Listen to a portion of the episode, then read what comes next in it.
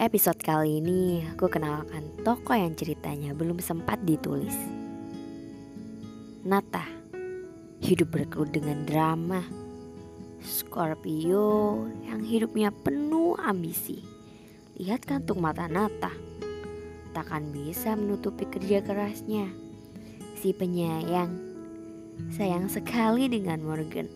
Sampai lupa kalau Morgan sudah jadi milik orang lain. Lucu kamu Nata.